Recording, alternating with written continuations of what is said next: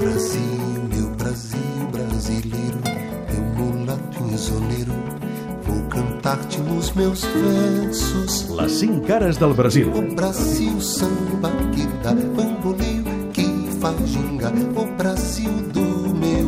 Ja ho sabeu que en aquest Mundial de Futbol, al Tot Gira, busquem una cara, una cara del Brasil. Cada cap de setmana busquem una cara del Brasil. Cinc cares de setmana, per tant, cinc cares del Brasil. Com que la setmana passada no vam tenir temps per fer una cara del Brasil, Coses de les pròrrogues. avui al Pere eh, li fem fer una cara i demà una altra, i així ens posem al dia. Pere, com estàs? Bona tarda. Molt bé. Avui, eh, després de passar per la Selva, eh, per Manaus i per Sao Paulo, vam conèixer un arquitecte català, ens portes un altre català, en aquest cas, eh, per anar a un altre punt del Brasil. Sí, a un altre punt situat a la costa, cap al nord, i relacionat, molt vinculat amb el Barça, per un nom, el d'aquest Pella jugador. frente a Ur per Rivaldo i gol! Gol! Gol!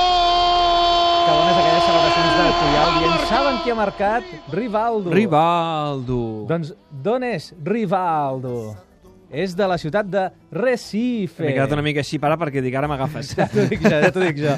Segurament molts catalans, molts culers, no saben que el gran Rivaldo va néixer a Recife i allà, a la regió del nord-est brasiler, hi viu el Gerard Viader, un sociòleg català que fa més de 10 anys que hi viu i que, més, ens pot entrar en una de les grans xacres que té el Brasil, com és la criminalitat, perquè ell és sociòleg i treballa en concret sobre aquesta problemàtica. Posem-nos una mica en situació amb una música de, de la zona, perquè a les cinc cares del Brasil sempre busquem música. Sí. Brasil és molt ric en música de la zona, de Recife. I a més, allà a Recife, ara ens ho explicarà també el Gerard, amb música són molt diferents de la resta del Sí? país, perquè allà els agrada el fogó. Es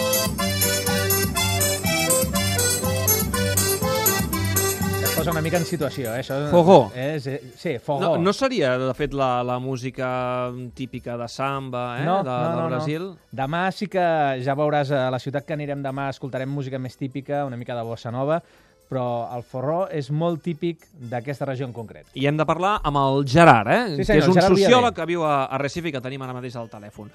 Gerard, bona tarda, com estàs? Bona tarda.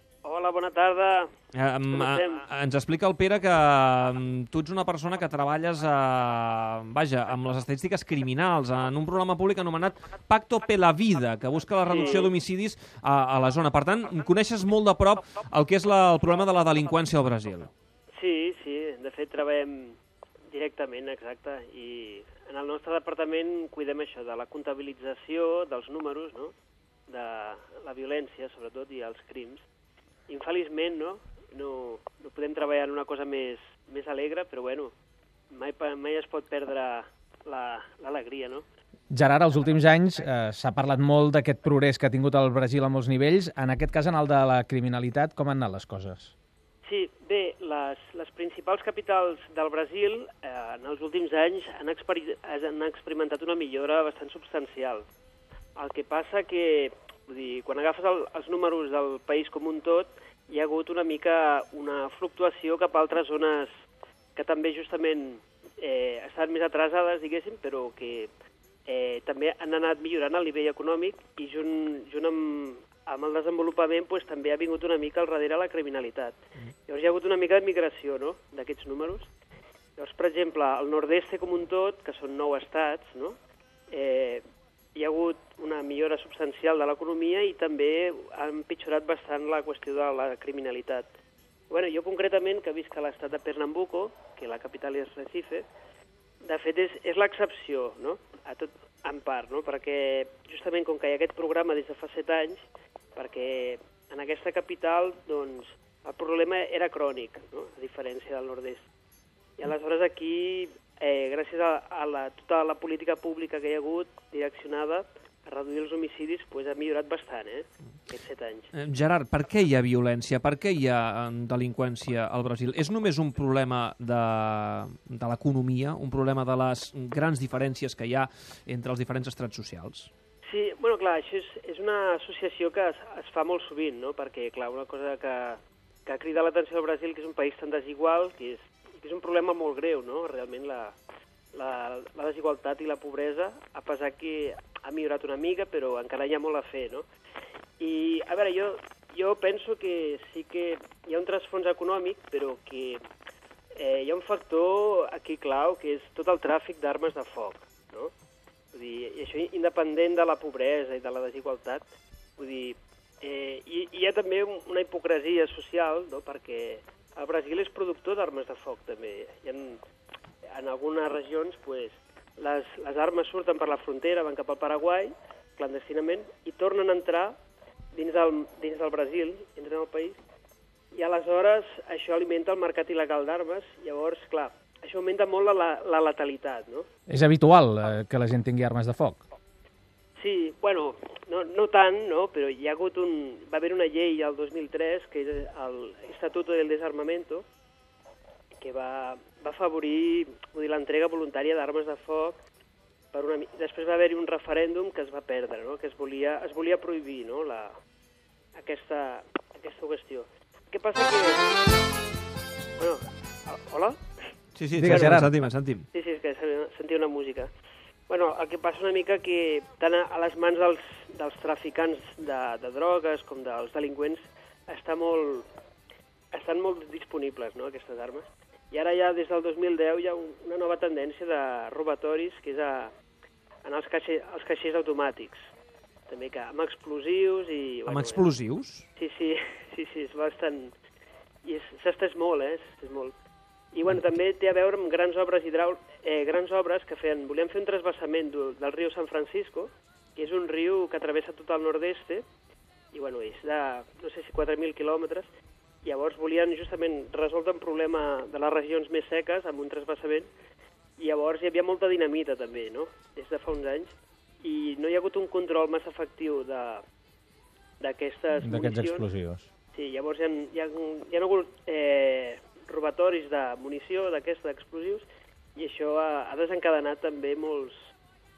Després que això s'ha utilitzat per, per fer aquests, aquests, com es diuen? Aquests explosius. És que em costa una mica traduir-ho. Sí, sí, a veure, tens molt arrelat ja l'accent portuguès. Escolta'm, Quan- Gerard, Quants anys port, eh, Sí. portes, perdona? Quants anys Sí, portes porto, al Brasil? porto ja 11 anys aquí. 11 anys. 11 anys es nota, eh, això. Però escolta'm, també volem, Gerard, que ens expliquis una altra cara del nord-est, una cara més festiva. Vinga. Et sona aquesta cançó? Sí, és de Frevo. Presenta'ns-la. No? Bueno, és, de, bueno, és, un, és un ritme d'aquí típic de Recife que es diu Frevo i és música de carnaval. I aquí, més que el Carnaval, encara hi ha una festa que també se celebra molt a Catalunya, que també és molt celebrada, oi? El Sant Joan, i tant. Feu Sant feu. Joan a Recife? Sí, sí, sí, aquí... Bé, a Recife hi ha tot el nord-est, no?, que és una regió de més de 50 milions de persones. El Sant Joan és la festa més important de l'any, fins i tot més important que el Carnaval. I és un, un tras cultural regional que diferencia una mica de la resta del Brasil. No? A veure, no que el Carnaval no sigui no es celebri, sinó que també es celebra, no? però a més del Carnaval hi ha, aquest, hi ha aquesta festa al mes de juny. I també hi ha foguera, petards, com aquí? Exacte, sí, sí. Carai, Carai. Això, no, això sí que no ho sabia. Això és, és cosa teva, això, o no? No, no, no, no he sigut jo qui ho he importat, eh? És tradició de fa molts anys, importat. Sí, ja, els hi ve dels portuguesos, Ah, sí. molt bé, doncs mira, eh, hem Home, és un- descobert és que... un, un paral·lelisme interessant, Sí. no? Perquè a l'estat espanyol és més els països catalans que ho fan, no? Mm. Això del Sant Joan. I, I aquí al Brasil passa una mica així, que només al nord-est fa el Sant Joan, inclús el dia 24 de juny aquí és festiu, i a la resta del Brasil no. Déu-n'hi-do. Escolta'm, Una eh, hi ha gaire gent, gaire migrants de Costa Rica aquí a Recife o no?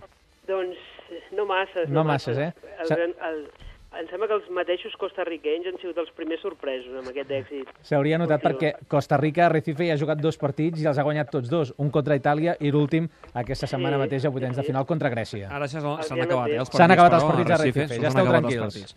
Molt bé, doncs és el Gerard Viade, un català que des de fa uns anys és del Brasil, que viu a Recife, al nord-est, una regió que avui hem volgut conegut, conèixer doncs, també aquesta cara més amarga del Brasil, aquesta delinqüència eh, de la mà del Gerard que treballa en un programa públic anomenat Pacto per la Vida, que busca la reducció d'homicidis a la zona del nord-est.